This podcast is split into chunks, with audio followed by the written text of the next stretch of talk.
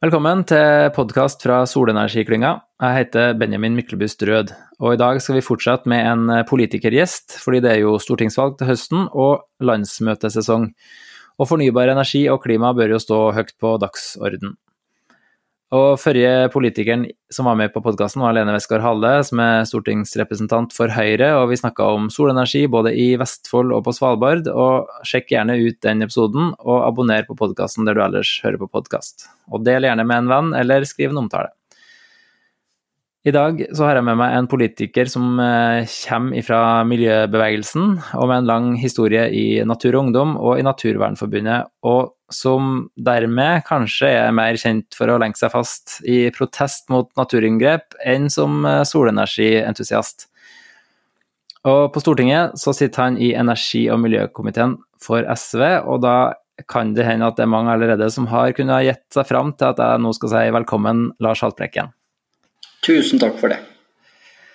Um, faktisk så var litt av denne introduksjonen uh, inspirert av en episode jeg hørte med deg da du var gjest i podkasten eh, Stortingsrestauranten med Tina Bru og Henrik Asheim tidligere.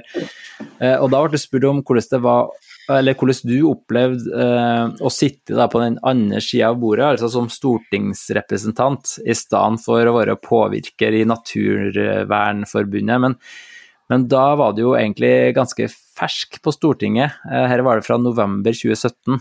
Ehm, og det første som eh, slo meg da jeg hørte det, var at det, det kjennes helt ufattelig lenge, lenge siden.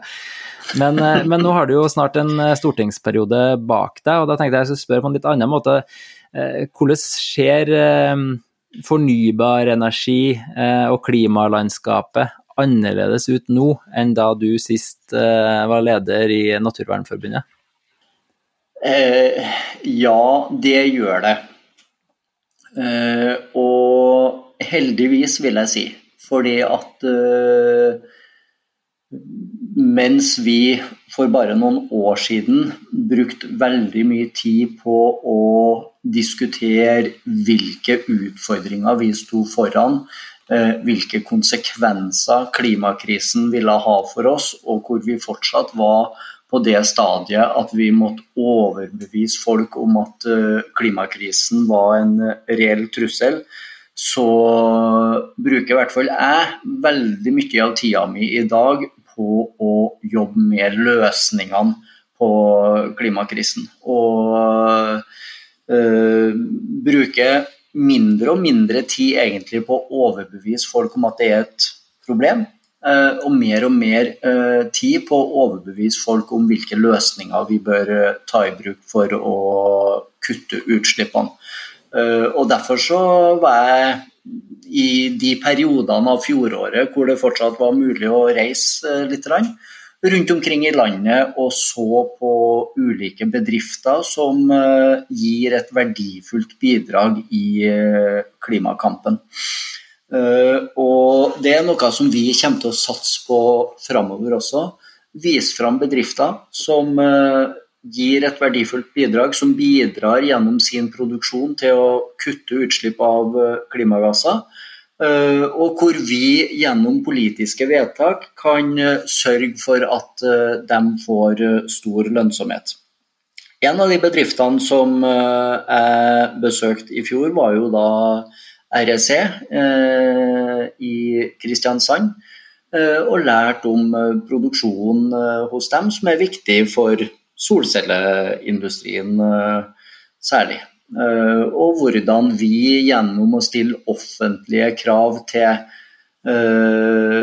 til, det offentliges innkjøp av varer og tjenester kan bidra til økt bruk av solenergi, f.eks. Mm.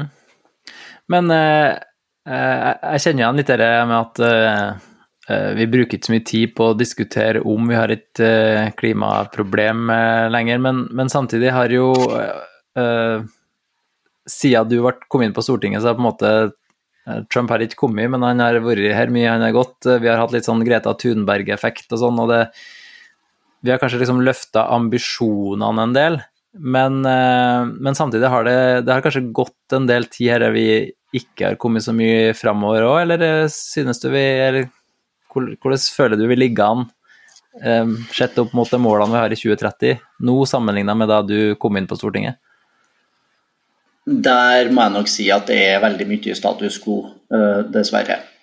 Vi legger fortsatt ganske langt unna å nå de målene som vi har satt oss. Og dessverre så, så, så løser heller ikke den klimameldinga som vi har til diskusjon i Stortinget. Eh, det gapet som er mellom de ambisjonene vi har satt oss og de utslippskuttene som vi faktisk eh, planlegger for. Eh, men dette er et kontinuerlig arbeid, og det skjer framskritt hele tida. Og så vil jeg vel si at deler av næringslivet legger et hestehode eller to foran oss politikere. Uh, og når jeg da var rundt og reiste i, i fjorhøst, så spurte jeg da flere næringslivsledere om hva er det viktigste jeg som stortingspolitiker kan gjøre for dere. Enten det da var produksjon av solcellepanel eller det var produksjon av nullutslippsbåter det dreide seg om, så var svaret still miljøkrav. Still miljøkrav til næringslivet vi klarer å levere uh, nullutslippsløsninger. Vi klarer å levere uh, nullutslipps uh, energiproduksjon. Men dere må stille miljøkrav. På, på, Facebook så, så jeg at du kommenterte en Aftenposten-artikkel om, om, avgift for borettslag med solceller, med at alle skal med. Dekk dem med solceller. Men det er noen små hindringer på veien. Ehm, hva, hva er det som er hindringene på veien, og, og, hva kan målsetningene for eh, Norges eh, solenergi være hvis vi fjerner de hindringene? Det som eh, er målet vårt, er jo å bruke mange flere av landets tak til solenergiproduksjon. Hvis du bor i enebolig eller i rekkehus i dag, så er det enkelt enklere å bruke taket som å, å, legge solceller på taket enn hvis du bor i ei blokk eller en uh, bygård. For det første så er det jo da flere som må være med å ta beslutninger om at dere skal investere i solcelleanlegg på taket hvis du bor i ei blokk, enn hvis du bor i en enebolig. Eh, men så er det også en urettferdighet i systemet gjennom at eh, bor du i ei blokk eh, og legger solceller på taket, så blir du belasta med elavgift og nettleie, mens det slipper du hvis du bor i enebolig og bruker strømmen sjøl. Så det er en urettferdighet vi vil avskaffe. Og egentlig så var et samla storting enig om det for fem år siden. Men så har eh, det tatt veldig lang tid å få gjort den jobben som skal gjøres i eh, regjeringa, så vi ønsker å få, få skynda fra få påskynda det. da. Eh, og får vi til dette, så er potensialet at vi kan produsere en 10-12 TWh med solenergi i løpet av noen år. På, på, kort sikt så snakker vi kanskje om en eh, fem-seks eh, terawatt-timer. og det er noe som vi bør ha som ambisjon å, å kunne gjøre. Mm. Ja, for Vi trenger jo masse ny energi til elbiler og annen transport, men òg eh, kanskje enda mye mer til å fase ut fossil energi i, i industrien. Uh, og, og, da eh, syns jeg liksom skjer av og til at uh, solenergi finner veien inn i lokalpolitikken, men ikke så ofte inn i liksom den nasjonale målsettinga for hvor, hvor, vi skal hen med, med solenergi. Um, det, har SV sånn helt konkrete mål og årstall for, for, solenergi, eller er det liksom litt sånn omtrentlige tall som du påpekte nå? Det som vi ønsker er å få en helhetlig plan for eh, solenergisatsinga i eh, Norge på plass. Eh, og Vi fremmer jo forslag om det i Stortinget også, om at regjeringen må komme tilbake med en egen solplan. Og hvor vi da setter oss konkrete mål for hvor mye energi vi skal hente ut fra sola og nyttiggjøre oss av, og hvordan vi skal gjøre det. Og så tror jeg du har helt rett i det med at solenergi har funnet veien inn i lokalpolitikken. For vi ser jo det i kommunestyret i Sør-Varanger f.eks. I Finnmark. Der har man vedtatt å satse på solenergi på rådhuset i byen. Eh, og hvis de kan eh, satse på solenergi i Kirkenes, så kan de eh, satse på det lenger sør i landet også. Jeg var jo på Longyearbyen for noen år siden Eh, og så solcellepanelene som hadde dekt eh, den ene veggen av flyplassen der. Og det er klart at eh, når du kan ha solceller på Svalbard, da, da er potensialet ganske stort. Mm. Men i, i dette forslaget dere hadde på Stortinget i, i fjor, så, så, ba dere jo, eller var jo forslaget at Stortinget ber regjeringen om ikke å redusere støtten til solenergi Eh, herunder energiproduksjon og solfangere, slik det er varslet. Det, så dere, dere har noen sånn konkrete forslag om at eh, om å styre Enova-støtten litt mer eh, detaljert. Er det da sånn at SV ikke går inn for denne linja som, som har vært rådende til nå, om at Enova skal styres med armlengdes avstand i, i energipolitikken? Ja, Vi ønsker nok å gå inn og styre Enova og de midlene de skal bruke eh, i større grad. Og så ønsker vi en sterkere satsing på Enova og tilføre dem eh, flere midler. Eh, men vi ønsker at det skal satses mer på energieffektivisering, som var hele grunntanken bak opprettelsen av Enova i sin tid samt også mer støtte til lokal energiproduksjon, som eh, solcelleproduksjon vil eh, være. Eh, det tror vi er viktig for å få frigjort energi, og for å få produsert ny energi som kan brukes til å fase ut den fossile energien i andre deler av samfunnet. Mm. Og, og, hvis man får til å bygge ut 10-12 terawatt timer med solenergi, så har jo vi i vårt veikart for solenergibransjen og vist at det kan, eh, kan, føre til en del eh, nye jobber. Og så, så refererte du jo til dette med rettferdighet på, på borettslag og sånn. og det, det kjenner man jo igjen i, i, energiloven og sånne ting, at det ikke skal være diskriminering. Men, men eh, dere har òg vært inne på at det er noen fordelingsprinsipper som er viktig eh, her òg, for å Eh, bidra til et rettferdig grønt skifte både med tanke på arbeidsplasser og, og energiproduksjon? Ja, vi vil, jo at, eh, vi vil jo ikke at klimakampen skal føre til økte forskjeller mellom folk, verken i Norge eller i verden. Så vi er nødt til å kombinere klimakamp også med en fordelingspolitikk som er med på å utjevne forskjellene. Og så er det jo sånn at det er selvfølgelig enklere for en familie med god inntekt å installere solceller på taket enn en uh, familie med, med, dårlig råd. Selv om du over 10-20 år kan vise at du sparer på den investeringa, så kan det være tungt å ta en såpass stor investering uh, på, på, kort tid. Og Derfor så ønsker vi også å ha egne energispareprogram og program for satsing på solenergi retta imot eh, folk med lavere og middels eh, inntekt. Mm.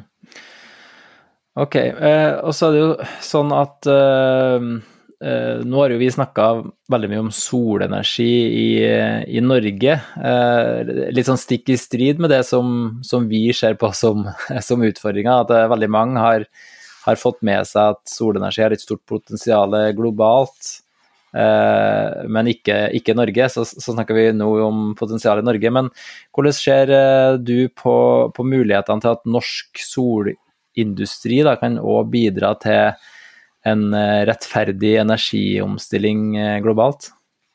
Jeg tror at norsk solindustri kan eh, spille en viktig rolle. Eh, jeg husker jo godt for mange år siden så var jeg på klimaforhandlinger i Marokko. Eh, det var i 2001. Og da var vi ute på landsbygda og fikk presentert et solenergiprosjekt hvor de skulle ha solcellepaneler montert på skolebygget. Som da gjorde at skolebygget kunne brukes nær sagt hele døgnet, for at du fikk lys da også på kveldstid. Og da kunne du ha voksenopplæring eller kurs på, på kveldstid i skolebygget. Og det var jo klart at det var jo et, et viktig utdanningstiltak. Uh, alternativet kunne jo selvfølgelig vært at man hadde en dieselmotor som uh, drev uh, lys, lysene i skolen, men man satsa da på, på, solenergi. Og så er det jo sånn at verden, de rike land, lovte verdens fattige land under Parisavtalen og bidra med 100 milliarder dollar hvert eneste år til klimatiltak i utviklingsland. Noe av dette skulle gå til fornybar energi, noe skulle gå til eh, å finansiere tilpasning til de klimaendringene som vi vet kommer. Så er det jo sånn at De løftene er jo ikke blitt oppfylt. Det har ikke kommet 100 milliarder dollar på bordet hvert år. Uh, har det ikke. Og det ønsker jo vi å være med å bidra til at det faktisk skjer, og da få opp en diskusjon på hvordan man kan uh, sørge for at, uh, at de pengene ikke nødvendigvis gjøres avhengig av, ikke gjøres avhengig av de årlige statsbudsjettbevilgningene. Nå er det sånn at I, i Granavolden-erklæringen så har jo dagens regjering en, en, ambisjon om å utvikle en slags fondsløsning som, som bidrar til utvikling og eh, ny fornybar energi. Da. Eh, og, I en eh, annen podkastepisode så har jeg jo snakka med Zero, som har eh, bidratt med en, en rapport som, som, kan gi innspill i det arbeidet. Eh, men de peker jo på at, uh, at Norge kan være tunga på vektskåla som gir utviklingsland mulighet til å investere i sol i stedet for uh, kullkraftverk, nettopp fordi at du kanskje trenger litt ekstra kapitalkostnader for å, for å her og nå, da, for å bygge sol. Men, men samtidig så vil jo det være noe som, som premierer det mellom, mellomsjiktet kanskje av land, og ikke det aller fattigste som i dag eh, ikke har lys i det hele tatt på, på kveldstid. Hvordan, hvordan, tenker du at vi kan òg få med oss det aller fattigste på en grønn fornybar energiutvikling? Nei, Det er nettopp ved en satsing på mer desentraliserte energiløsninger som solenergi kan være. Eh, for det er jo sånn at De fattigste i utviklingsland de er ikke kobla på strømnettet. Eh, det er middelklassen og dem oppover, så det er jo dem som i stor grad eh, vil få nytte av store fornybare utbygginger som er avhengig av å koble seg på strømnettet. Mens da hvis vi øker innsatsen på desentraliserte løsninger som solenergi, så vil eh, også flere av de fattigste kunne nyte godt av en sånn satsing. Mm. Eh, og det er jo som du, som du, var inne på, en mulighet for å øke eh, verdiskaping og aktivitet også etter at sola har gått ned i, i, i ulike land. Sånn at eh, solenergi i så måte kan passe inn i en slags sånn bistandssak, men tenker du at det går et sånt skille mellom uh, bistand og, og solenergiinvesteringer i utlandet? Uh, hvor, hvor, går i så fall den grensa? Nei, Vi har ikke satt opp noen sånn spesifikk grense på det, men vi ønsker jo å styrke satsinga på, på fornybar energi i utviklingsland. Eh, det har jo de siste årene vært eh, kutta i bevilgningene til det. Eh, og vi ønsker å øke de bevilgningene igjen. Før vi runder av, så har jeg lyst til å løfte blikket litt, litt framover. Men av og til så går vi jo den fella at vi ser for langt fram. Men hvis vi nå tar denne samme praten igjen på slutten av neste stortingsperiode, hvor, hvor tenker du at solenergi Eh, i Norge og, og, Norges rolle i solenergi globalt. Eh, hvor er vi da? Hvordan snakker vi om, eh, om solenergi som, som, kraftkilde i det grønne skiftet? Da håper og tror jeg at vi har kommet mye lenger. Eh, at vi har eh, gått bort fra å se på solenergi som eh, noe som kun passer på hytta, til å produsere litt strøm til noe leselys og kanskje litt TV-kikking innimellom. Til å skjønne at solenergi virkelig kan være en av de store produsentene av, av fornybar kraft framover. Eh, og så, eh, hvis det blir et regjeringsskifte, så regner jeg jo med at vi da har en plan for en offensiv eh, solenergisatsing i Norge på plass, og også hvordan vi kan bruke norsk solcelle- og solenergiindustri i en internasjonal sammenheng for å få økt satsing på, på solenergi. Og så håper jeg jo at vi vil se langt flere solceller på norske tak enn det vi gjør i dag. Ok, tusen takk for at eh, du ble med i podkasten, eh, Lars eh, Haltbrekken. Jeg håper du får rett i hvordan Norge ser, ser ut om fem år. Jeg vet ikke om du har noen siste oppfordringer eller noe annet til dem som lytter på, eller dine politiske eh, eh, motstandere eller medspillere? Det måtte være at uh, folk må tenke sola skinner på alle tak. Eh, her ligger det et stort potensial for eh, Norge til å hente ut ganske store mengder ren og fornybar strøm som vi kan eh, bruke i arbeidet mot klimakrisen. Mm. Og hvis vi skulle ha utfordra noen andre politikere på Stortinget til å være med i podkasten. Hvem er det du tenker bør få anledningen da? Da tenker jeg at uh, Fremskrittspartiet bør uh, utfordres til å være med. Uh, Fremskrittspartiet er av de som hardest og ivrigst har stått på for økt olje- og gassutvinning i Norge, men jeg tenker at de kan ha bruk for å se lyset fra sola nå. Riktig. Da takker jeg for det i denne gangen, eh, Lars Hattbrekken. Og til dere som hører på, så abonner som sagt gjerne på podkasten. Og følg med på solenergiklyngen.no eller på Facebook for oppdateringer om både solenergi og podkasten.